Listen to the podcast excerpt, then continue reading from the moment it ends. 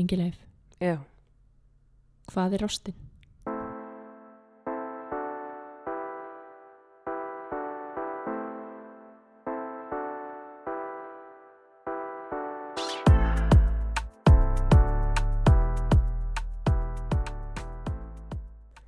Ástin, Ástin, Ástin mín.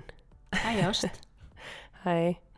Uh, kannski áður en við byrjum að fara beint í uh, þetta umræðafni þá getum við kannski rætt í smástund uh, okkar áskoranir frá því síðustu viku. Já, Við vorum semst að koma úr Flyover Iceland sem Mhm. var þitt, uh, challenge mitt til þín. mm Hvernig fannst þér þetta? já ég, ég- elskaði það. Nei, uh, mér fannst það uh, skarra en ég held. Ég var hrætt, en þú varst líka hrætt. Ég var ógíslega hrætt. Við vorum svolítið hrættar saman og töluðum líka- allan tíman. Það kom líka svona game, hérna, smá inn í þetta sko. þetta kannski var- voru einhverju leiti tvær flugur í einu höggi. Já, þetta var mjög skemmtilegt samt. Já, mæli með uh, og þetta er ekki auglýsingaði neitt, þetta Nei. er bara okkar upplifun, raunveruleiki. Uh, já, þetta var bara ótrúlega áhugavert og, og ótrúlega velgerð síning og já, ég var mjög hrætt á tímabili og mér fannst ég vera að missa allt kontról en ég lifiði af. Já, við liðum þetta af og vonandi tóku ykkur ykkar uh, svona á ykkar óta í Mhm. vikunni. Horfast í augu við komst- viðurkennan. Já, ég komst að því að ég er ekki ein í heiminum sem að hefur þessa game hræðislu. Ég er búin að fá nokkur skilabóð frá fólki sem að finna fyrir þessu nákvæmlega sama. Já, ummitt. Þannig að við erum, við erum aldrei ein. Nei, það er svolítið þannig. En við erum heldur aldrei ein í ástinni. Eða Nei, hvað? nema að þú stundir sjálfsást.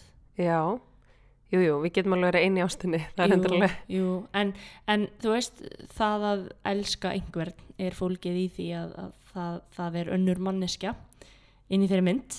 Eða, Eða, eða hlutur, eða, hlutur dýr, eða eitthvað. Já, og okkur langaði svolítið að taka ástina fyrir í e, þessum þætti, svona Mhm. kannski svolítið í framhaldi af síðasta þætti, þar sem að þú opnaðir þig aðeins um það að hafa verið svolítið hrætt við ástina. Mm -hmm. Hrætt við það í rauninni að berskjalda mig, gagvert einhverju mannesku uh, og vera hrætt um að fá ekkert tilbaka og þessi stað bara loka á alla tilfinningar. Mm -hmm. Og það voru mitt einhverju líka sem að tengdu við það sem að mér fannst gaman að heyra. Uh, ekki gaman í rauninni, þetta er ekki skemmtileg tilfinning en þú veist, það er eins og ég sagði það, maður er aldrei einn sko.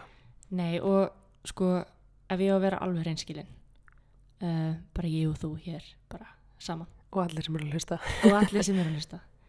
Mér finnst sko ástin og það að elska einhvern og að ákveða að vera í sambandi með einhverjum algjörlega það magnaðist og sama tíma klikkaðasta sem að við manneskjan einhvern veginn gerum. Mm og það er bara mín skoðum, minnst þetta er eitthvað svo ótrúlegt ferli, þú veist, að ákveða að bara hitta mannesku og verða það einhvern veginn samofinn henni með tímanum og leifa sér einhvern veginn að, að fara veist, í það ferðarlag sem fylgir því að vera ástfangin það er ótrúlega magnað, finnst mér mér að, að við skulum velja þetta sko Já, en mér finnst líka bara svo störtlað veist, hvað er ástin? Af hverju verð ég bara ástfangin af einhverju mannesku en ekki manneskinu á hliðin á mér?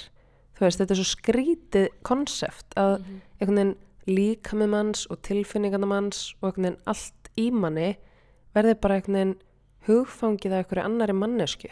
Þú veist, mér finnst þetta svo störtlað konsept, ástin, bara svona yfir höfuð. það eru þetta svolítið bara svona í frum eðlu okkar að elska og um, fyrsta ástin eru þetta ást okkar til foreldra og uh, hún er víst samkvæmt mörgum kenningum svona ákveðin grundvöllur að því hvernig okkur gengur síðan að elska og vera elskuð setna meir.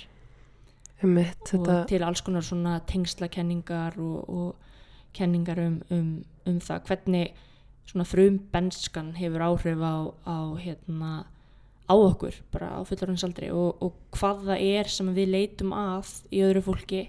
Og sumir segja að við séum kannski að leita að einhverju uppfylla eitthvað skarð sem okkur vantar. Aðrir segja að við leitum að manneskjum sem að uppfylla okkur sjálf eða þá við séum að leita að manneskjum sem eru, eru eins og við sjálf. Mhm. það er náttúrulega til ótrúlega margar kenningar og pælingar um, um ástina. En það er ástin þú veist þessi frum kraftur uh, þetta er þessi, þetta er þessi þessi magnaði seiður sem að við einhvern veginn drekkum öll saman Þessi magnaði seiður. Já, er það ekki? Ég meina þú veist, yðnaður ástarinnar, hann er út um allt Ok, Já, ég ætla bara að ganga svona langt með þetta þú ert bara, þú ert farin bara þangað. En ég meina, er sko, sko, Sig, Sig, Sigmund Freud hann sagði sko bara án ástar ekkert líf það er djúft En það meika samt alveg sens að því að við værum ekki til ef, ef fólk hefði ekki elskast. nei, það er mitt, þessi, þessi eðliskvöt og, og, og þetta eru við drifin áfram líka af bara svona þessu dýrslega þessum dýrslega þætti, þú veist eins og flest öll önnur dýr. En Sigmund Freud sagði líka án átaka engin þroski. Og ég held einhvern veginn að, að það er eru þessar andstæður um, meðbyrinn og mótbyrinn and, þú veist, hérna, sorgin og gleðin uh, erfileikar og allt þetta. Þú veist, þetta eru forsendu lífsins. Og ég veit að við erum að byrja á YouTube-nótum við skulum okkur- kannski reyna að koma okkur aðeins upp í léttara hjal. En allt þetta er ástæðan fyrir því af hverju ég og þú erum hér í dag. Það er enda rétt. Við værum ekki hér án ástar. mm Eh, við erum afspringi fóröldra okkar. Nei, einmitt. Og við sjálfar uh, í okkar sambandi erum, erum auðvitað búin að sprengja okkur ímislegt, já, börn og, og fleira. En hérna, mér finnst þetta með svo, svo ótrúlega magnað uh, og eitthvað sem að þú veist, þeir sem að hafa orðið ástfangnir vita þetta að þetta er bara eitthvað svona eins og bara eitthvað svona yfirnáttúrulegur kraftur sem að lætu mann sko oft bara missa matalist og missa svefn og einhvern veginn veist, verða pínu störlaður í hausnum af því að maður getur ekki hægt að hugsa um þessa mannesku að maður bara einhvern veginn getur ekki ímyndað sér lífið án hennar. Og þetta er ótrúlega áhugavert konsept, ástin af því að mér finnst þetta eitthvað svo óútskýrt, maður getur ekkit nákvæmlega sett puttan á það hjá sjálfum sér hvenar maður verður ástfangin af okkurum en maður bara veita mm það er alveg rétt sko og, og mér finnst þið mitt alltaf svo líka strullað einhvern veginn að, að svo á bak við þetta, þú veist, ég og þú eitthvað saman á fyrsta deiti ótrúlega skotnar að pæla í hver annar er að kynnast og, og svona þessi ótrúlega forvitni, þú veist, manni langar bara að vita allt einhvern veginn, að þá eru bara taugabúðafni enn og aftur einhvern veginn bara í heilunum á okkur, bara dopamin og serotonín og allt þetta sem eru bara á sko blúsandi signingu og þess vegna líður okkur svona vel. Mm og þú veist, þetta er allt samofið þú veist, hérna, taugakerfið okkar og, og heilin sem er náttúrulega bara þú veist, þér finnst geimurinn skeri mér finnst heilin sjúklega skeri um, þú veist þe- þetta hangir allt saman og auðvitað, þú veist, hefur það áhrif á okkur þú veist, hvernig um, heilin okkar hefur þroskast, hvernig okkur tekst síðan til -hmm. um, en segðu mér, Já hvenar vissið þú fyrst að þú værir ástfangin? um, Góð Ertu ekki spurning alveg örglega ennþá ástfangin? Það væri verra ef svo var ekki Jú, ég Komið tíma til að tilkynna mér það, bara hér og nú.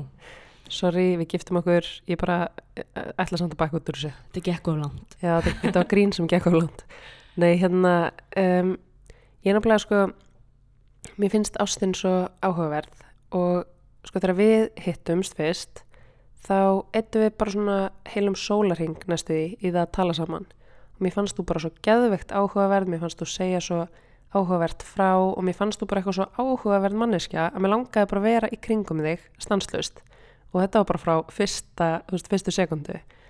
Og það er einhvern veginn þú veist, ég, ég veit ekki hvenar það fer úr því að mér þótti þú bara svona ótrúlega merkileg og áhugaverð og mér langaði bara alltaf að vera í kringum þig yfir ég var bara, ég er gjörsamlega fallin og ég er bara mjög ástfangin.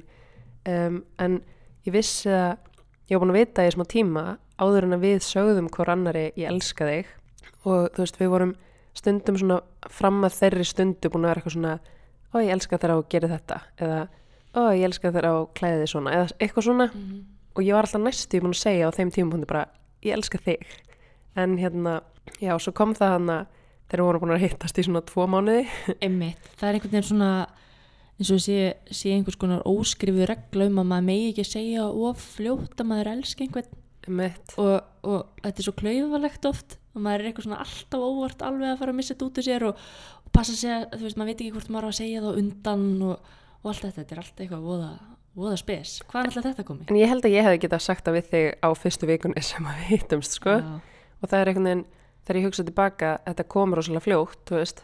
Og svo ég veit ekki alveg hvort að þetta sé, þú veist, ástu fyrstu sín. Ég veit ekki, þú veist, er það til eða er það ekki til? Sumir segja að það sé bara losti. Já. En hver er munurinn á hrifningu og ást? Mm Hvar fannst þú emitt ef er ekki lengur hrifin í raun ástfangin? Það kom í raun og veru bara einmitt eins og þú lýsir sko, það gerist mér náttúrulega en, en sko ólíkt kannski fyrri reynslu þá bara einhvern veginn vissi ég bara þegar ég hitti þig fyrst að ég bara svona veist, þetta voru svona tilfinningar á, á nýjum skala um, ég hafði kannski svolítið lengi uh, barist um með það inni í mér að finnast ég svolítið tilfinningalaus Mm. um, það veist, þurfti mjög mikið til þess að, að vekja einhverja hrifningu hjá mér uh, ég hef aldrei verið eitthvað sérstaklega hrifnæm manneskja heldur eins og þú þekkir Öfugt við mig. það er svona mjög ólíki hlutir sem að hrífa okkur áfram um, en það var bara einhvern veginn svona, svona þessi, þessi geðveikt góða tilfinning sem ég hafði aldrei fundið áður og svona hvað þetta var allt saman bara svona smooth sailing og við vorum síðast bara að tala um það í dag bara eitthvað, já, þú veist síðustu sjö ár, bara frekar smooth sailing auðvitað með stöku hérna Vandræðum. Já, það hefur alveg verið öldugangur, þú veist, en, en bara svona eins og gerist hjá fólki, en, en þú veist, samt sem áður, bara mjög góð skemmtisigling að, að vera með þér hérna.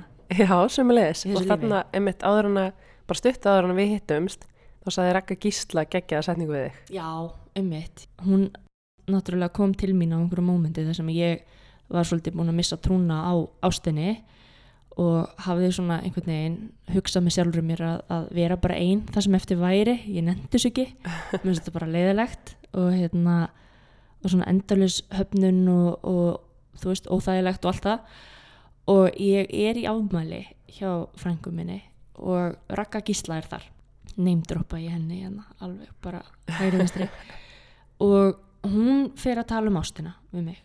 Og hún segir við mig að hún hafi svona ákveði að gera ákveðin lista og, og, hérna, og gera bara svona háar vendingar til ástarinnar. Þú veist að ætla ekki að einhvern veginn þú veist, gera hvað sem er um, fyrir ástina og svo sagði hún við mig að, að hún hefði svona hérna, verið með þessa möndru með sér sem væri sko þetta uh, ef það er létt þá er það rétt.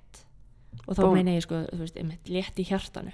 Og við Mhm. þekkjum held ég að ég þekki það allan að vel af eiginskinni, þú veist. Stundum eru hlutinir og samskipti bara svo sjúglega flókin. Mm og þetta er svo erfitt og þetta er svo þetta, þetta, þú veist það er svo mikill hægagangur og miskilningur og átök og, á, og hérna og svona endalusar mótbárur og þau sambönd kannski ganga ekkert alltaf upp til lengdar sem gera það auðvitað en, en í minni reynslu þá ef ég ber saman veist, uh, fyrir reynslu og svo það að vera með þér veist, það hefur alltaf verið létt en það var það rétt Það var rétt. og hérna bara sjáta á þetta röggu gísla hennan prasa sko. Ekki það, þú veist, það hefur ekkert allt verið létt. Ég hérna, vil ekki að fólk haldi að við séum eigum eitthvað gjörsanlega fullkomið samband og allt hafi alltaf verið ótrúlega auðvelt. Auðvitað er það aldrei þannig og við eigum okkar lægðir svo sannarlega, þú veist, og það bara eiga það öll pör held ég. Og við rífumst eins og allir aðrir, þú veist, við erum, við erum ekki, þó svo að við segjum það létt, e, þá e, eigum við rauninni bara við í hjartanu, það er Já. létt í hjartanu. við erum náttúrulega þrjóskustu manneskjur veraldar Emmett, báða tvær nöyt. emitt uh, eigum margt samiðilegt hvað það var þar og það hefur oft verið ákveðin áskorun svona hvor okkar ætlar að baka Þú ert hérna- dugleira að bakka, ég viðkynna það.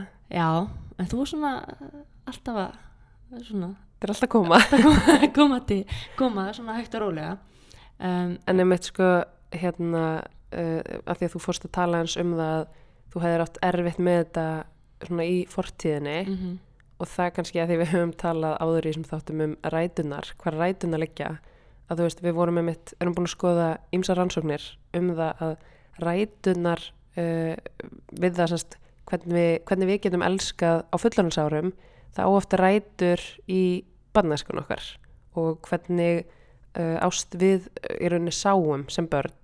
Þannig að það er einhvern veginn djúpa rætur kannski sem að liggja þannig að bæki því að þú tólkaðir ástin öðruvis eða sást hann á einhvern annan hátt heldur en ég, þú veist. Mhm. og þú ætlaðir alveg að íta mér svo bara sannlega í burtu frá þér þegar við kynntumst. Ég ætlaði bara að hafa vit fyrir þér að koma þér sem lengst í burtu frá mér svo þú getur nú bara að lifa góðu lífi. Já, Marja náttúrulega háöldru þegar við hittumst, 24 ára, ég tvítug, hún var bara, ég er svo gömul og, og ég á badn og þú þarfst bara að fara að ferðast og þú þarfst bara að fara í heimsreisu. Og ég var bara fyrir ekki, má ég ekki bara ákveða hérna verið sjálfa mig, hvað ég ætla að gera, mér langar að vera með þér. Og hún reyndi svolítið að íta og það á endanum, þá komst ég hann í gegn, Já, ég vona að ég hef ekki neitt mig upp á þig. nei, nei, alls ekki en ég man alveg sko hvað mér fannst ótrúlegt að þú ætlaðir bara einhvern veginn að elska mig og, og ég, ég var alveg í alveg kannski fleiri mánuð en ég vil viðurkenna að bara svolítið býða því að þú myndir bara fatta að ég væri ekkit alveg þessi fengur sem þú væri búin að næla þér í sko eða, eða Hefur hitt þig? Nei, reyndar ekki en, en þú veist, já Þú ert geggjaður fengur. En það er líka sagt. eins og ég hef komið hérna inn á þú veist, ég, ég held að ég sé ekki alin upp með mjög svona örug tengsl Mhm.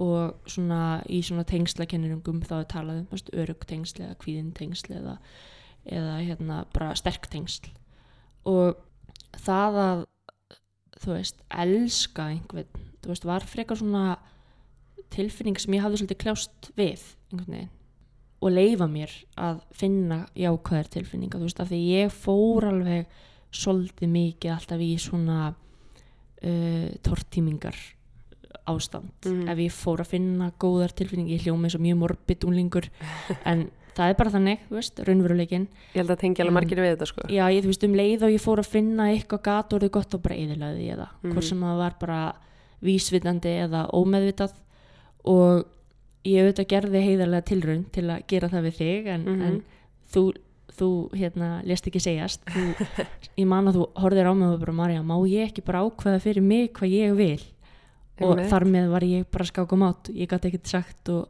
og ákvað svona hægt og rólega að reyna að trista því bara þú veist, trista þér fyrir hjartanum mínu bara hæ, hér er hjarta mitt, þú mátt bara um mitt eiga það og, og Mhm. þú veist, please nennur að passa upp á það og, og fara vel með það. Það er pínu viðkvæmt.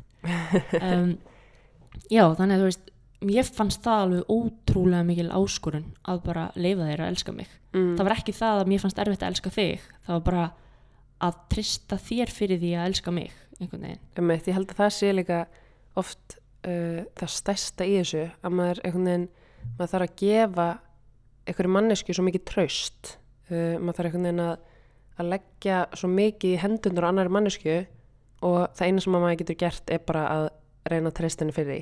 En það sem að þú varst að tala um ég ætla að fá að vitna hérna í hérna stórgóðu mynd uh, The Perks of Being a Wallflower. Það sem að þið segja mitt sko You accept the love you think you deserve. Mm þú, þú tekur á móti þeirri ást sem þú heldur að þú eigir skilið. -hmm. sem á kannski svolítið í þínu tilviki að finnast þú ekki eiga skilið að vera elskuð. Af þetta er að- kannski svolítið svona eins og með súrefnisgrímurnar í flugvilinni það maður þarf kannski svolítið að hafa sett súrefnisgrímun á sjálfa sig til þess að geta meðtekið ást var of djúft maður þarf að setja súrefnisgríma á sig til að geta meðtekið ást. Nei, ég, þú veist kannski getur maður ekki tekið á móti raunverulegri ást að maður elskar sig ekki sjálfur. Ok, emitt, það er mjög þetta var rétt. kannski bara betri lýsing á, á, á því sem ég var að meina. En, en þú veist ef maður hugsar bara umrulega hluti um sjálfa sig og, og uh, finnst maður ekki vera verðugur þá kannski að ég veit það ekki, þá kannski er maður ekki jafn móttækjalegur gagvart því sem að aðrir vilja kannski gefa manni. Mm, það er allavega býr en til öruglega tölvert flækjustig. Mm -hmm. uh, en sko svo finnst mér svo magnað uh, að fara eins úr þessu yfir í sko uh, þessi tilneying okkar til þess að vera með annar mannesku þú veist, þetta er ótrúlega skondin pæling að þú veist, við erum hönnuð í það að makast í rauninni. Og Er það að tala um bara hönnunina sjálfa, bara líkamann? Já, þú veist, hverju einasta dýri, emmitt ég er að tala um hönnunina. Þú ert að tala um kynlíf? Nei, reyndar ekki. oh, okay. Ég var nú bara að meina svona tilfinningilega, jú, jú, kynlíf spilar þetta þátt í því, en ég er að tala um, þú veist, það er tilneying að, að para sig, þú veist, hjá okkur mannskefninni og fleiri dýrum, þú veist, eins og bara, það eru dýrategundir sem eru bara svona engvænistýr, eins og svanir til dæmis, sem hefur bara sama makan að eilifu og þetta er eitthvað svo grútlegt, en þetta er líka svo fyndið, að þú veist, við veginn bara svona ákveðum, já, ég ætla bara að vera með þessari mannesku á hverju minnsta degi, þar sem eftir er lífsmýns þú veist, það er auðvitað samt ekki, þú veist, þetta áauðvitað ekki við um alla þó svo að þó svo að við séum mörg að leitast eftir ástinni og, og einhvern veginn tökum þessa ákvörðunum að, að verja lífinu með einhver annar mannsku þá er auðvitað líka til fólk sem að veist, hefur ekki þá þörf mm. uh, og vill ekki uh, sagt, hefur bara ekki þörfina fyrir það að eiga maka og það er oft í þessu samingi talað um sko, þá sem eru eiginneðir eða asexual uh, þá erum við annars, með, annars vegar með fólk sem er semst, asexual og uh, hefur þá ekki þörf fyrir kynlíf með öðru fólki og svo getur verið sko aromantic. Og þá hefur ekki þörf fyrir romantíst samband heldur mannar mannsku þannig að það er ekki allir auðvitað sem að, að sækjast eftir þessum tengslum en við gerum það auðvitað mjög mörg og hérna, já, mér finnst þetta bara eitthvað svo það er bara eitthvað svo sætt að við tökum það ákvörðuna að vera með annari mannesku þar sem eftir er. Mm og við erum náttúrulega búin að taka þessa stóra ákvörðun og búin að innsikla hana svo sannlega með bara giftingu -hmm. og þessu öllu saman. En, en já, mér finnst það svolítið merkilegt Já, og mér finnst líka svo krútlegt bara hvernig, veist, við höldum ofta að manneskinn sé svona ofsalega sérstök dýrategund mm -hmm.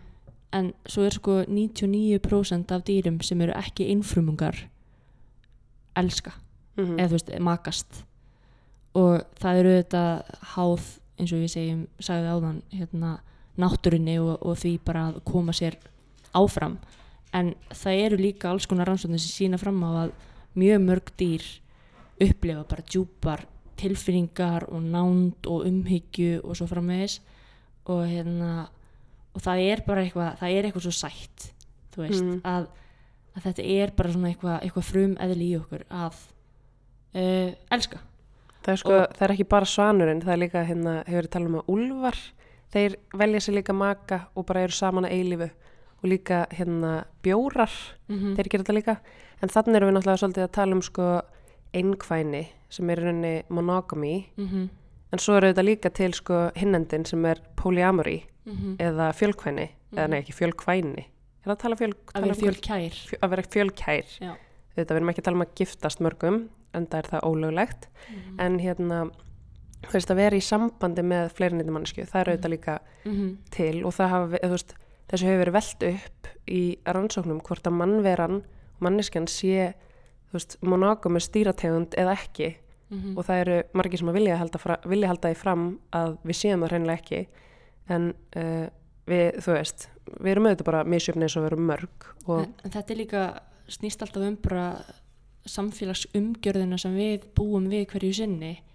Um, þú veist í, í fyrir, fyrir einhverjum þúsundum ára í Gríklandi þótt ekkit óaðalilegt að menn ættu fleiri en eina, tvæ, þrjár ástkonur og svo frammeðis og, og og ástmenn og ástmenn og, og þú veist frjálsar ástir og, og allt það og svo þú veist fyrir vinna og miðaldir og kathólskuna og, og svona hjónambandið þetta heilaga þessi heilaga stopnun þú veist mm -hmm. uh, yfir í þú veist þetta hefðbundna þú veist eins og 20 stöldinni þú veist framan af þú veist við sjáum hvernig uh, samband karla og kvenna er einhvern veginn sínt uh, sem svona konan þessi þessi þjónustu miðaða hérna húsfrú og, og karlmaðurinn sem er fyrirvinnan og svo kemur koma kvennabildingar og, og aktivismi og feminismi og, og hérna veist upplýsingar og hérna bildingar og allt þetta og samfélagsumgjörðin er búin að breytast mjög mikið, mjög rætt Mm -hmm. Uh, þú veist og, og um það er eh, mun fleiri í dag sem eru farnir að lifa óbumberlega um í, í e, polyamorous samböndum og ég, ég er einhvern veginn bara þannig þengjandi manneski að mér finnst bara svo gott þegar fjölbreytileikin fær bara að þrýfast og Mm. mér finnst e, einsleitni leiðileg mín Mm. skoðun e, ég held einhvern veginn að e, þú veist, við fáum heilbreyðara samfélag þó svo að mörgum finnist að verða mjög flókið og, og torskilið uh, með því að leifa fólki bara að vera eins og það er og svolítið að losa fólk úr þessum fjötrum sem að einhvers konar samfélagslegar ákvarðanir setja á okkur Mhm. alveg svo hugmyndin um húsfrúna 1960 er náttúrulega bara fjöldaframleitt hugmynd sem að þú veist var bara st- fyrir algjörlega niður líka bara staðalmyndir og, og svona hv- hvernig og hverjir ráða í hverju samfélagi fyrir sig Mhm. og þó svo við í einum vest, vestræna heimi höfum einhverjar hugmyndir þá eru þær allt, allt aðrar á öðrum, í öðrum heimslutum þannig að, að, að svona, já, en, en ég held samt að ástin sé universal tilfinning Mhm. um, ég held að þú veist allir elski á einhverjum tímapunkti hvort sem að um, öðru fólki takist síðan að skemma fyrir þannig að fólk eigi erfið með að elska skilur Mhm. mig, Algjörlega. eins og bara unga börn þegar þau fá brjóstamjölkina sína veist, það, það er ást Akkurat. Eða pélamjölkina sína. eða pelamjölkina sína eða þú veist umhyggju það er einmitt þetta sko uh, með líka bara uh, sem að mér er svo gott á að komst inn á með fjölbreytilegan. Þú veist, það er ekki það er ekki að snerta mig neitt þó svo að fólk lifi einhvern veginn öðru sér lífstílin ég, einhvern starf út í bæ. Mér er svo, hérna, það er svo ríkt í okkur að vilja einhvern veginn fara þú veist, dæma fólk fyrir að gera eitthvað öðru sem við sjálfur erum að gera. En þú veist, í grunninn þá, þú veist, ef það hefur ekki áhrif á okkur þá eigum við bara ekki að skipta okkur að því í rauninni. En Marja, hvað finnst þér, þú veist, gera samband gott og hvað finnst þér gera það bond? ég allavega, já ég held að leikil atriði sé tröst Mm.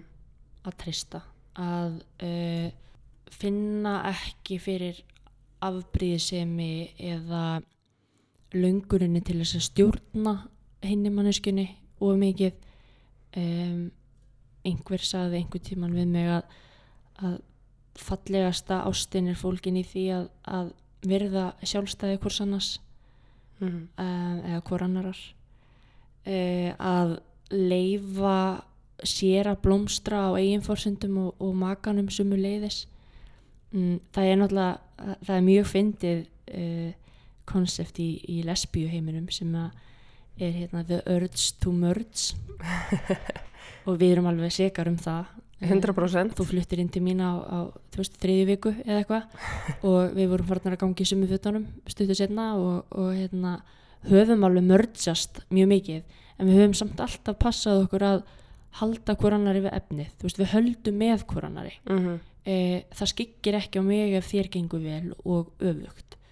Og ég held að það sé í mínu tilviki svo eru þetta ólíkt veist, hvað fólk vill og, og hvað fólki finnst en það gera verkum þú veist að mér hefur aldrei fundist ég innilókuð eða kæfuð eða e, föst í Mhm. okkar samskiptum Mhm. þú veist, af því að ég er með frelsi til þess að vera nákvæmlega eins og ég er um, þó svo við göngum í sömu fötunum og, og notum, notum sem er líka þú veist, hérna uh, eins og hefur verið kallað á góðri ennsku the perks of being a lesbian sko, þú veist, að, að við getum deilt alls konar hlutum, Nema skóm, nema skóm ákveðin skellur. mm en ég held að flest annað sé samign okkar Mhm. uh, en þetta með að fá bara að vera maður sjálfur þrátt fyrir að vera í sambandi meikir þetta sens? Algjörlega og ég held að þetta sé alveg mjög mikilvægt líka sko að því að sumir eiga það til að fara í svona samkeppni við makasinn uh, eins og þetta sé eitthvað svona keppni um það hverjum þú veist gengur betur eða ég veit ekki hvað uh, og ég held að það geti verið mjög toxic og uh, merkjum að, að það sé eitthvað pínu óheilbreykt í gangi Mm. uh, að því að veist, í mínum huga er þetta bara svo ótrúlega augljóst dæmi uh, að auðvitað bara ef að þér vegnar vel og þér líður vel þá veist, kemur það aldrei niður á okkur sem hjónum skilur, það er bara stórkoslegt og ég myndi aldrei vilja draga úr þér við að gera sem að þú elskar. Þú veist, mér finnst það einhvern veginn þú veist, það, það myndi ekki gagnast neinum og síst okkur sem Mhm. pari þú veist, þannig að ég er með sammála því sem þú segir að hérna þetta traust og að virða sjálfstæði hver annarar uh, þó svo er mitt að við séum búin að mörgja að mjög mörguleiti eigum sammeila vinkonur gerum flesta hluti saman en þú veist, við erum samt fáum að blómstra á eigin verlegum og myndum auðvitað aldrei einhvern veginn reyna að taka það af hver annari, það væri mjög undalegt en hérna mér erst líka bara mikilvægast í samböndum uh, í þessu sambandi sem ég er í hérna að tala saman bara um allt bara Mm. samskipti eru líkilinn að öllu held ég Mhm. þú veist, ég tala auðvitað bara frá einn reynslu en mér finnst bara svo ótrúlega mikilvægt að við getum rætt hvað sem er. Og þú veist, það skiptir ekki máli hvað það er. Ef það er eitthvað sem að böggar mig eða það er eitthvað sem að, þú veist, gleður mig ef það er eitthvað, þá bara ræðu við það. Mhm. ég held að það sé ekkert mál sem er ekki þess virði að ræða það. Mhm. þú veist, ef maður er að hugsa eitthvað sérstaklega ef það snýra sambandinu eða eitthvað sem að pyrra mann þú veist, að bara adressa það. Einmitt, af því að annars síður alltaf upp úr að lókum og ég held já, ég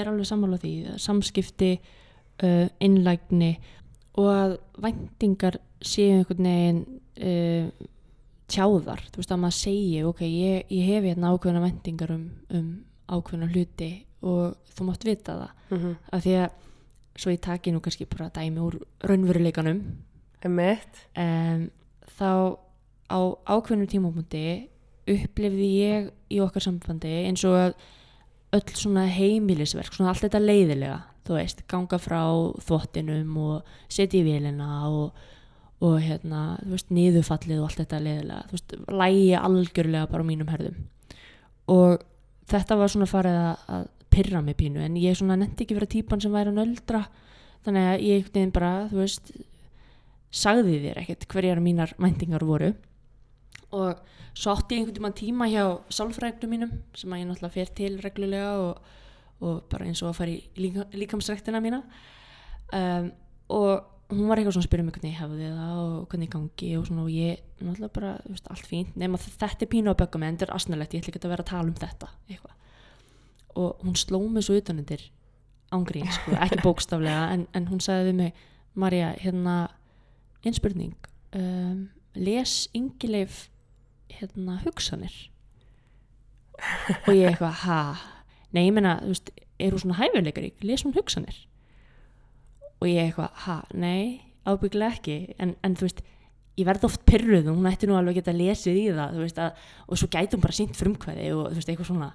Bara, bara já, um mitt, það er allt mjög fínt. En, en mér heyrist öllu að þér finnist eitthvað svona aðeins minna romantíst ef þú myndir bara byggja hana og segja henni hvað þú verður að hugsa og ég hérna satt eftir og var bara anskotin, okkur gæti hún ekki bara haldið með mér í þessu?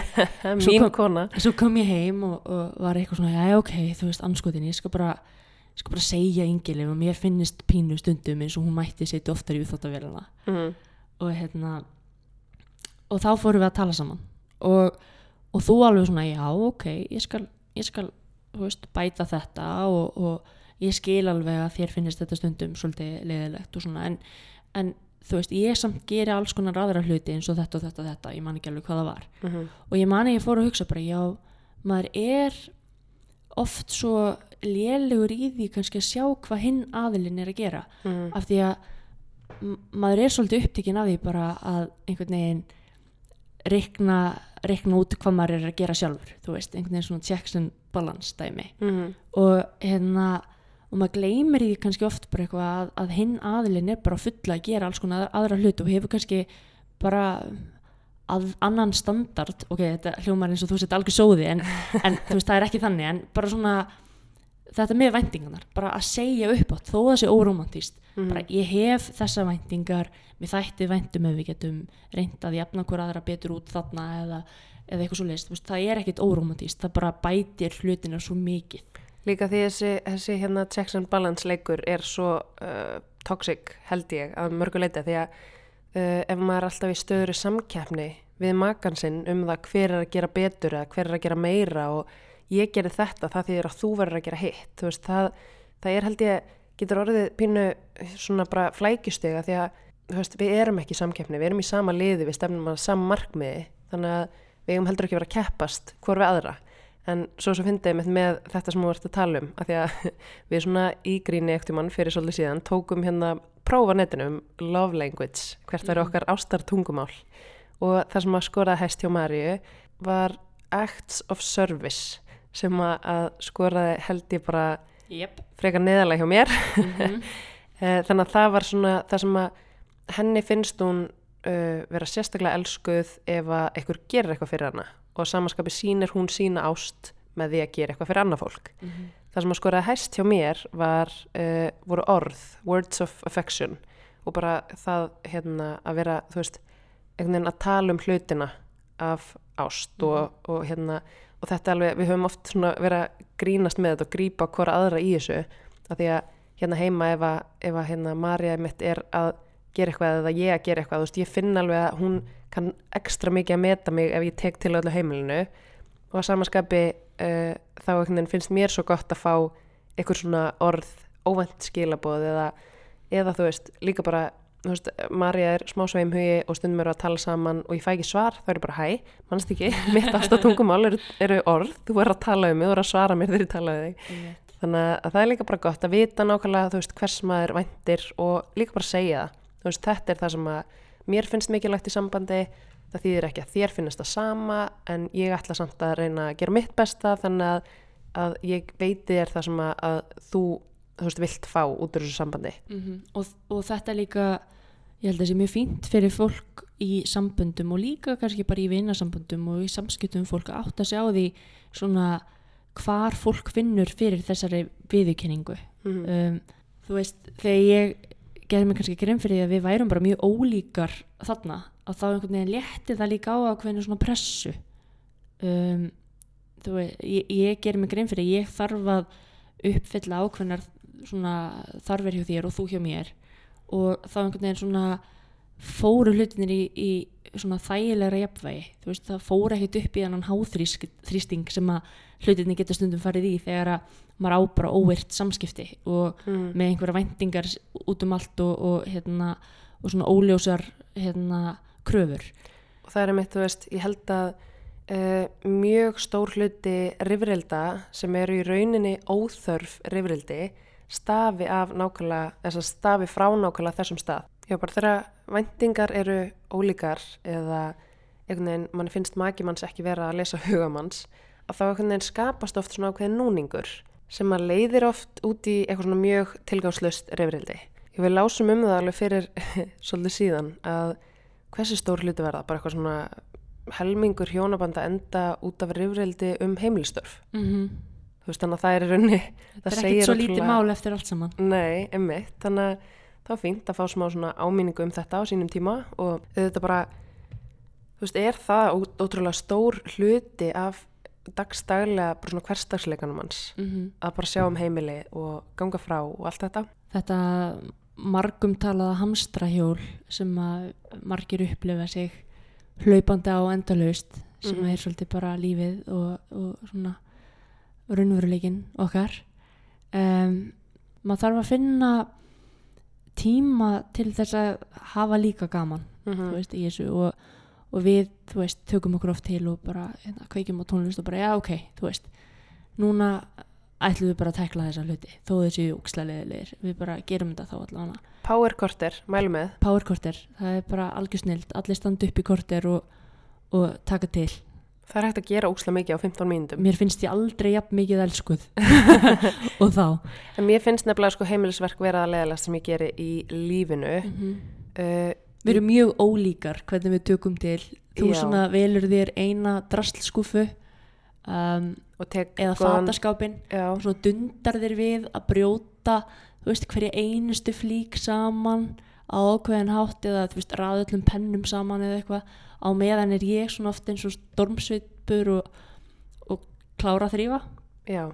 En hendur kannski bara öllum nærbúksunum niður á þess að brjóða þær saman. já, þú veist, ég er meira svona í grófu hlutunum og þú ert í fínpúsininni sko. og það er ágætt sko og, og aftur með vendingar að þú gerir hluti sem ég nenni ekki gera og öfugt, Mhm. Þannig að við í rauninni erum bara svolítið gott dúó þannig. ég myndi segja það En aftur að þess að hérna, ástinni, bara svona almennt, uh, ég fór að hugsa þetta uh, þegar við ákveðum þetta efni, að það er öruglega fullt af fólki sem að myndi vilja stýra því hverjum það verður ástfangið af Mhm. og ég svona fór að hugsa þetta svolítið út frá hérna óendurgöldin ást Mhm. uh, pælingunni sem vorum að tala eins um í síðasta þetta að ef að þú gæti stýrt því að elska ekki eitthvað sem að elskar það ekki tilbaka þá myndir eflaust gera það Mhm. og fólk sem að verður ástfangi af einhverjum sem að samkvæmt einhverjum standardum á ekki að verða ástfangi af eins og bara ef einhver strákur verður ástfangin af kæristu besta vina síns eða eitthvað svo leiðist, þú Mhm. myndir líklega ef þú getur ráðið, myndir líklega stýra því þannig að þú yrðir ekki ástfangin af þessari mannesku að samaskapi held ég þessi líka fylgtu fólki sem að myndi vilja stýra því að það yrði þau ástfangið að ákveðin mannesku eitthvað svona sem myndi henda vel Já, þú maður hefur alveg heyrt fólk tala um það að einhver manneskja uppfylli alla þeirra standarda og sé nákvæmlega eins og þau myndi vilja að maki sinn væri en að tilfinningarnar séu bara til staðar Mhm.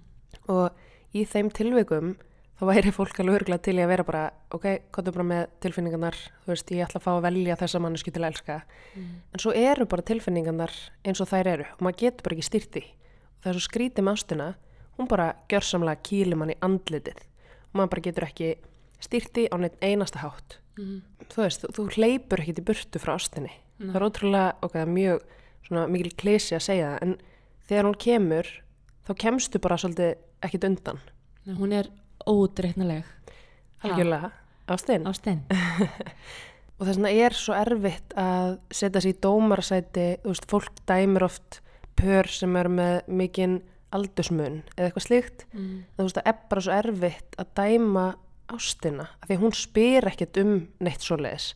Hún spyr ekkit um hvort þú sért kona eða kall eða eða, veist, hvaða kyn þú ert eða þú veist, hvort þú sért gamall eða ungur auðvitað má ekki gera neitt ólulegt innan löglega, hérna, löglegra marka. svo þessi tekið fram emitt, en ég veit ekki hvert ég ætla með þessu en ég bara segja þú veist, það er, það er svo erfitt að dæma ástina því að hún er bara eins og hún er. Mm og það eru mjög margir sem að verja miklum tíma í að, að hlaupast undan ástinni. Mm. eru hrættir við ástina og, og, og finnst hún hérna svona ókveikjandi kraftur en ekki, ekki svona hérna, umvefjandi.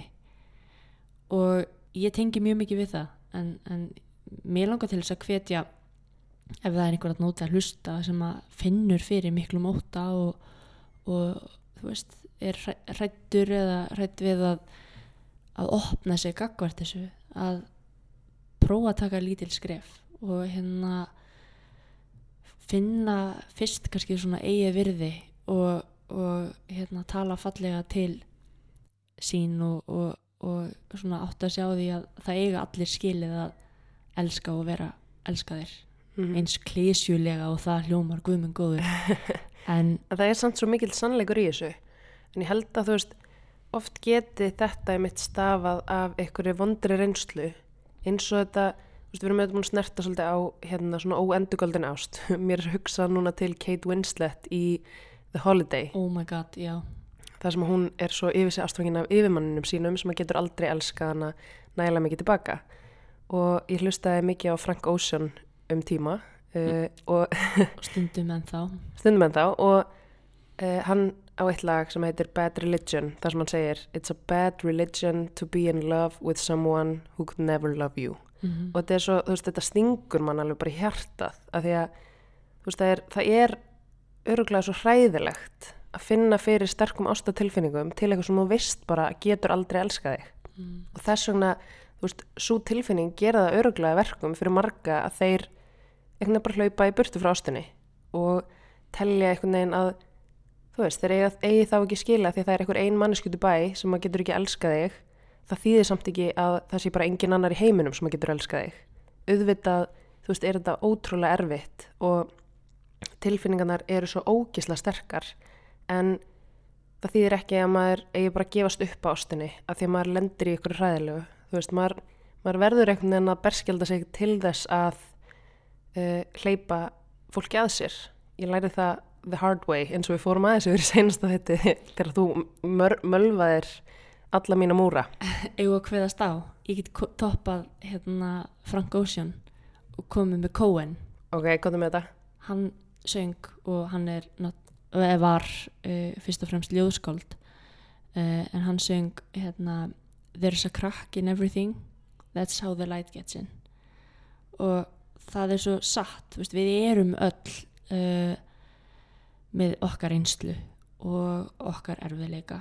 Uh, flestir fari gegnum lífið með nokkur ör á sálinni uh, hvort sem það er hjartasorg eða missir eða annað. Og, og það er svona brotalamir sem verða á okkur gera það verkum að einmitt ljósið kemst inn. Mhm. og hérna, svo með því dæma hvort kvotið er betra.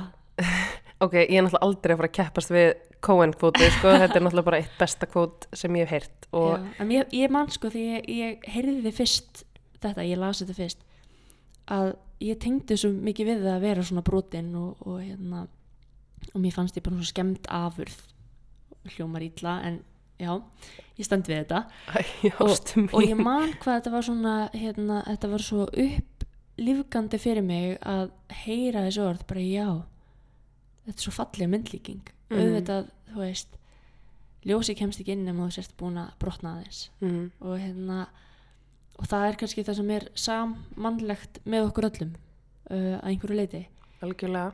Og svo það sé aftur tekið fram þá sigrar Cohen þetta alveg 100% en mér erst bara svo já ég held líka að að því ég las hérna brefið hans Frank Ocean þegar hann kom í raun út úr skápnum ofinberlega, hann skrifaði bref þar sem hann talaði um það hvernig hann varð yfir sig ástfangin af manni og hann var búin að halda því alltaf fram að hann verið streit uh, og varð svo bara ástfangin af vinni sínum og það var svo hopeless ást af því að maðurinn gæti ekki elska hann á móti einmitt. og þess vegna, emitt, það er svo, þetta er svo óumflýjanlegt. en það er líka eins og við höfum oft, talað um hvað við erum lánsamar að vera uppi núna Mm -hmm. og fá að elska hvor aðra án þess að lenda í miklum mótbárum um, hversu margar ástasögur eru þarna úti og verða aldrei sagðar og hversu margar tilfinningar eða, eða hjartasorgir eru þarna einhvern veginn og hafa aldrei verið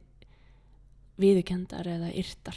Mm um, hvort sem það eru um eitt sambund sem voru bara í leini eða, eða hérna hughrif eða annað veist, og, og það hryggir mig svo að vita af af því, af öllum þessum sögum sem hefðu getið orðið magnaðar en urðu það ekki vegna þess að samfélagið var ekki opið fyrir því. Sko varandi þetta, mér langaði svo að segja, veist, að því að það sem að þú tala með er svolítið samofið bara svona baráttunni og sögunni síðustu ára og ára tugi en þetta áauðu þetta líka við um fleira, þú veist, það eru þetta bara fullt af ástasögum að núti bara almennt sem að sem einhvern veginn ganga bara ekki upp einhverja hluta vegna en eitt sem að mér er samt mikilvægt að koma fram í því samengi því að það eru margir held ég sem að upplifa svona tilfinningar, sterkar tilfinningar til einhvers og bara svo ástasaga getur aldrei orðið þú veist, ég held að, að það geti valdið útrúlega mikillig sorg hjá fólki en ef þú hefur ekki fundið þessar tilfinningar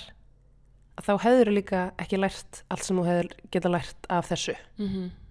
Svolítið svona með mitt sko sam og við höfum rætt áður þú veist, þegar maður gerir eitthvað sem að hræði mann þó svo að gangi illa, þá maður allan með reynsluna. Það sama svolítið ávið um þetta. Ef að þú elskar af öllu hjarta en færði það ekki endurgöldið þá samt gafstu allt þitt og þú samt fannst alla tilfinningarnar sem Einmitt. eru fallegar þó svo er séu líka erfiðar.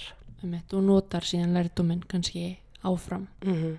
um, og já, ég held að það sé alveg klárlega máli og að þóra þóra að, að vera opinn fyrir þessum tilfinningum og viðurkenna vondu hlýðarna líka. Eins og Freud sagði mitt þetta með uh, átökin veist, þroskin felst í átökunum og við lærum af mistökum. Þetta er, þetta er frasi sem að uh, er bara að miklu liti sannur. Veist, við byggjum reynslun okkar á því á ástasorginni þú veist, á, á höfnuninni á hérna um, á þessum hérna erfiðu mómentum um, og þú veist, lífið heldur áfram og mér finnst alltaf svo hérna áhugavert einhvern veginn, þú veist, þegar að að, að því mist ástarsorg líka mjög svona áhugavert konsept og, og svo rosalega tilfinningar og svo heyrir maður, þú veist, um þetta fólk talar um bara eftir kannski allt hefur sinn tíma og eftir einhverja mánuði þá eru tilfinningarna sem voru svo ótrúlega sterkar bara mjög fjarlægar og ég vil bara svona pínu absúrt Mhm. að hvað við erum líka frekar fljóta aðlögu okkur bara að breyttu lífi Mhm. að, að lífi án manneskina sem þú deildir lífinu með áður og svo opnast nýr gluggi og lífið heldur áfram en, sko en þegar þú ert í miðjum storminum þá ert ekki tilbúin að hugsa um það og allt verður að hafa sinn tíma og veist, sárin gróa. Mhm. og það er einmitt með sko þessa aðlöðunarhæfni mannsins bara almennt. Þú veist ég held að, að við sjáum það svolítið skýrt núna bara á tímum COVID. Þú veist fólk sem er alveg ótrúlega félagslind og vandi að vera í kringum ótrúlega mikið af fólki og vill bara lifa þannig og var svo neitt inn í það bara að þurfa einhvern veginn að vera heima á sér í marga vikur var allt í einu bara að fara að kunna vel við að vera heima á sér. Og er að finna fyrir félagskvíða bara í fyrsta skipti núna þetta er ótrúlega magnað sko því að veist, við getum auðvitað aðlaðast öllu og einmitt, við lærum af öllum þeim mistökum sem við gerum og þau eru endalega og líka bara hérna sem þú varst að tala um áðan sko uh, þessi vísun í Freud að þetta á líka við bara innan þess sambands sem að maður er í. Ég, held að við höfum ekki veist, þroskast uh, meira á neinum tímumbölum en þeim sem að voru erfiðust. Mm og þú veist, þegar við höfum raunverulega lent í ykkur áföllum eða, eða mótbárum. Já, þá, veginn, þá kemur tíminn þar sem að við þroskumst, þar sem að Mhm. við finnum að við stöndum svo þétt saman. Og það er einhvern veginn, ég held að sko á, þú veist, ef að maður stendur saman þegar virkilega reynir á þá fattar maður bara, vá, ok, við erum ótrúlega pointlessli að rífast yfir ykkur heimilisverkum, en svo kom ykkur stór vandamál þá stöndum við saman. Mm -hmm. þú veist, auðvitað, þú veist, erum við bara í sama liði og við eigum alltaf að vera það, skilur Einmitt. Og, og hérna svo ég komið með enn eina lí- myndlíkinguna. Að mér líður oft svona eins og við förum upp um level. Mm þú veist eins og í tölvuleik við vinnum einhvern endakall þú veist með einhverju áfalli eða, eða bara erfiðum aðstæðum eða einhverju sem kemur upp veist við erum ofta að lendi í svona litlum áföllum veist hérna verðum game over og svona öru hvoru hérna í einhverju heimilislífi en svo bara kemur að endakallinum og þá erum við bara með fjastringarnar á lofti og við klárum verkefni var það ekki svo mikil myndlíkingar drottning Nei, en þú veist, ég, ég, já, mér, Varst að finna upp þessa staðnum? já, þessi kom upp í hugan núna. Ég fór að sjá fyrir mig Mario Bros. Já, þetta er geggjum myndlíking þú ert Lu Luigi, ég er Mario. En, En þetta er samt svo rétt, sko, því að þú veist, þegar maður veginn þegar maður þjættar ræðinar um leið og átökin koma, þú veist, maður getur einhvern veginn tekist á og farið í orustuna saman, en ekki, þú veist óvart verið í sikkur liðinu í gegnum orustuna, að þá einhvern veginn þroskast maður svo mikið á því og maður sér bara, vá, við erum djöðli gott teimið þegar á reynir einmitt, við höfum líka svolítið þurft að læra að rífast. mm. Um, þú veist, það rífast allir. Og, Algjörlega. og við erum svolítið ólíka típur, hvað það var þar. Uh, og, og ég er svona típan sem byrja bara að þegja og verða þrjósk og langar ekkert meiri í heiminum en að þú bara komir til mín og segir, hei Marja, hættum þessu. Og þá myndi ég bara hættum leið. Og og svo er ég með mitt love language sem að tala og ég bara, ég þarf að ræða þetta ræða um þetta nánar einmitt, einmitt og, en við höfum svolítið unni í þessu Mhm. og svona, þú veist, mómenti þegar manni langar bara að ver, vera þrjóskur og bara, ok, þetta er ekki þess verði mm. tölum bara saman af því að mér eru svona í gegnum tíðina 98% af þeim svona rifrildum sem við höfum átt hafa byggst á miskilningi eða einmitt ólíkum vendingum Mm uh, ólíkum upplifunum á sama atveki -hmm. og svo bara streitu eða utan að koma til þáttum ég var svolítið típan sem að fauk alltaf bara hérna, að rauk alltaf bara út í, upp í sófa og beði eftir að þú kæmir. Svo var ég úslega reyð út í þið fyrir að koma ekki og þú varst bara eitthvað, okkur eftir ég að koma? Þú ert að haga þig fáralega en það er nú langt síðan, við erum búin að klára það. Við höfum slípast ansi vel saman á þessum sjö árum. Já, en einmitt, við, við erum ólíkar að sumuleiti en mjög líkar að öru leiti mm uh, það er oft sagt sko andstæður laðast hvora annari en ég held að í okkar tilviki sko höfum við ekki laðast að hvora annari því við vorum svo rosalega ólíkar. Veist, við erum svona mjög svipaðir karakterir í raun þó svo að við séum mismunandi á mörgum levelum. En ég man að hérna mákana mín sagði þegar hún hitti þið fyrst hún var bara vá hvað þið eru líkar. Það er einhvern veginn bara þú veist, allir ykkar svona uh, svona grunn eiginleikar eru bara alveg nákvæmlega eins. Og mér þótti ekki að væntum að heyra það af því að þínir grunn eiginleikar eru það sem ég elska við þig og ef að mín eru eitthvað nála því þá er ég bara mjög sátt. Þú veist þannig að, að hérna það er auðvitað, ég held að já, þú veist, andstæður geta alveg pottitt laðast hvora annari og, og jafna hvort annað út að mörguleiti, en ég held líka að, þú veist, þeir sem eru líkir geti nú líka uh, laðast hvora öð- öðrum. Já, en það eru mjög margar rannsóknir sem einmitt sína fram á það að, að uh, svona rannsóknir á því af hverju maður laðast að, að annari mannesku er að það er yfirleitt sko, þú veist, jújú, jú, útlitt eh, faktor en ekki aðal drifkrætturinn, það er hvort þú getur samlagað þig að viðkomandi. Hvort að við, viðkomandi augrar þér getur tekið þátt í að ræða þín gildi þú veist, deilir sömu gildum í lífinu hefur sama metnað fyrir hinn og þessu og svo framvegis.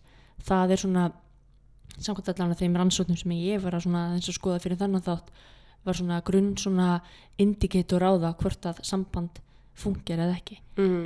og ef maður hugsa út í það þá meikar það alveg pínu sens að maður vilji verja meiri tíma með einhverjum sem að deilir sömu gildum þó að hitt getur orðið mjög lostafullt og svona augrandi að, að vera alltaf einhverjum sem svona sem augrar þínum gildum með því að Mhm. hafa ólík gildi en ég veit það ekki, svo kannski bara mismöndi hvað fólki finnst. Algjörlega, en ég held að þetta hafi verið sko góð fyrsta vísmending í okkar tilveiki að við tölum non-stop saman í sólarring og mér langaði aldrei að hætta því.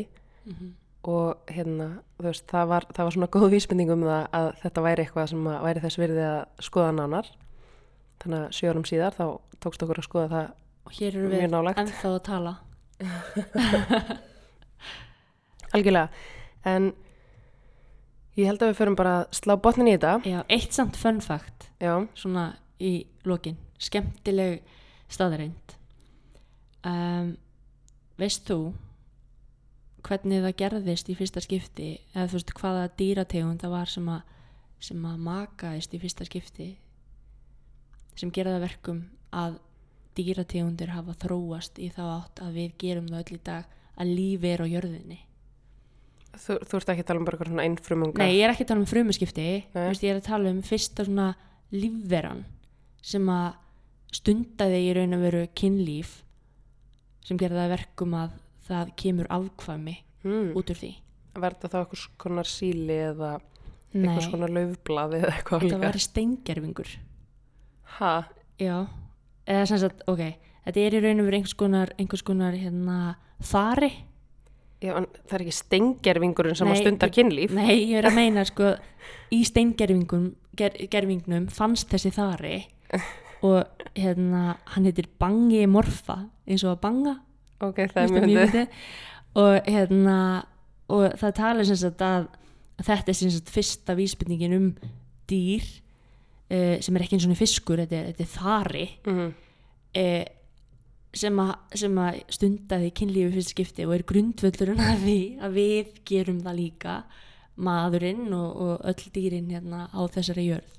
Þannig að við getum þakkað þaranum fyrir tilvist okkar. Takk þari og takk hérna dýrslega eðli uh, allra þeirra sem á undan okkur, okkur komu. Þaran svo hinna. Já, það hans og hinna.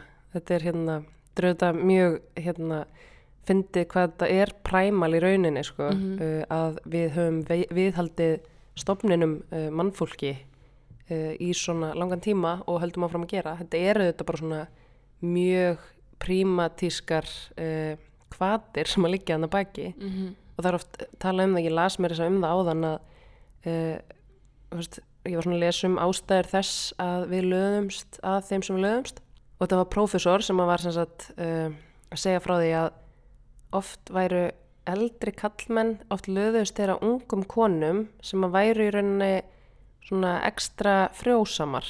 Að þeir, þeir í rauninni já, sko frjósemin er það sem að laðaði þá að vegna þess að þá erum við að viðhalda stofninum. Og alls konar svona hlutir sem að, sem að hérna eru svo fyndið, við teljum okkur vera svo ótrúlega intellektual dýrategund en við erum að mörgu leiti samt svo dýrsleg, sko.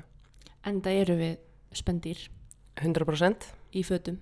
Já, það er mjög, mjög skondið að tala við mæka heim í stofu. Mm En, uh, já, Marja, það er eitt sem að flækist smá fyrir mér hérna. Nú höfum við verið með svona áskoranir í síðustu tveimu þáttum. -hmm. Þú veist, Hvernig var að skora á hvora aðra hér og nú? Með ástina. Ekki skora á mig um að hætta með þér í viku eða eitthvað líka. Hættum saman og sjáum, sjáum hvað gerist. Nei, guð. Ræðilegt svo finnur þú þér eitthvað aðra ástkonu eitthvað út í bæ nei, og, nei, og þetta, nú, þetta er nú þetta endar hér. Þetta er komið út í vitt Um, um, ok, mér dettur eitt í hug. hvað er með það? Eitthvað sem tengist ástar tungumálunum okkar. Það þarf að taka til í geimslunni. Ok, þannig að þú ætlar að skora á mig að taka til í geimslunni af því að þá, samkvæmt þínu ástatungumáli, er ég að sína þér bara mestu ást sem ég mögulega get sínt þér. Þetta er rosalegt. Ok, mín, mitt ástatungumál eru hérna orð. Mm. Eh, Það er ótrúlega skrítið að skora á þig um að tala meira við mig eða eitthvað líka. Ok, en þú ætlar að skrifa mér bref Ok. vegna þess að þá ert þú að tala mitt ástatungumál. Mm. Um, og þú ætlar bara að skrifa mér bref í Ok. vikunni. Ég vil fá A4 blaðsíðu af einhverju mjög ástúðlegu. Ég skrifa bregða með, meðan að þú tekur til í geimslunni. Hljómar er svo mjög gott plan sem að er, mér finnst þetta svolítið skægt samt, veistu hvað geimslan okkur stór, hún er 20 fermetrar. Já. Þú fær að skrifa eitt A4 blað og meðan ég er að fara að taka til í 20 fermetrar geimslu. Stundum með lífið bara úsengjant. Já, já, ég lúffa hérna í þetta skipti en við ætlum bara að slá botnin í þetta hér og nú. Mm Takk fyrir að hlusta. Já, takk fyrir. Okkur langar að endi þá að þakka ykkur kærlega fyrir ótrúlega góðar viðtökur. Uh, við erum búin að fá svo mikið af skilabóðum og uh, bara hlustunum að við erum eiginlega orðlausar. Þannig að Mhm. takk hérlega fyrir það. Og endilega, ef þið hafið áhuga, þá væri gaman að, að fá hjálp frá ykkur við að, að dreifa þessu áfram með því að deila þættinum á ykkar samfélagsmiðla og, og sumu leiðis að, að læka nýju síðan okkar, yngileg, hlutinir eru orðinu svolítið raunverulegir hérna hjá okkur. Já, við vorum að, að opna Facebook like síðu. Mm. Af því að við erum svolítið að spammast okkar hérna, með þáttin, en við ætlum samt að vera duglegar að standa bara með okkar, okkar verkefni. Já, endilega hérna gefa okkur engun inn á um, podcast-appinu. Mm Subscribeið, deiliði, likeið og allt það, þetta er allt mjög sjálfkvært, en til þessi leikurinn gerður. Til og þessi leikurinn gerður. uh, takk Þormóður aftur fyrir uh, lægið, góða. Þormóður Eiríksson sem að sáum að, að búa til stefið okkar. Og við bara sjáum stress í næstu viku. Já, lifi ástinn.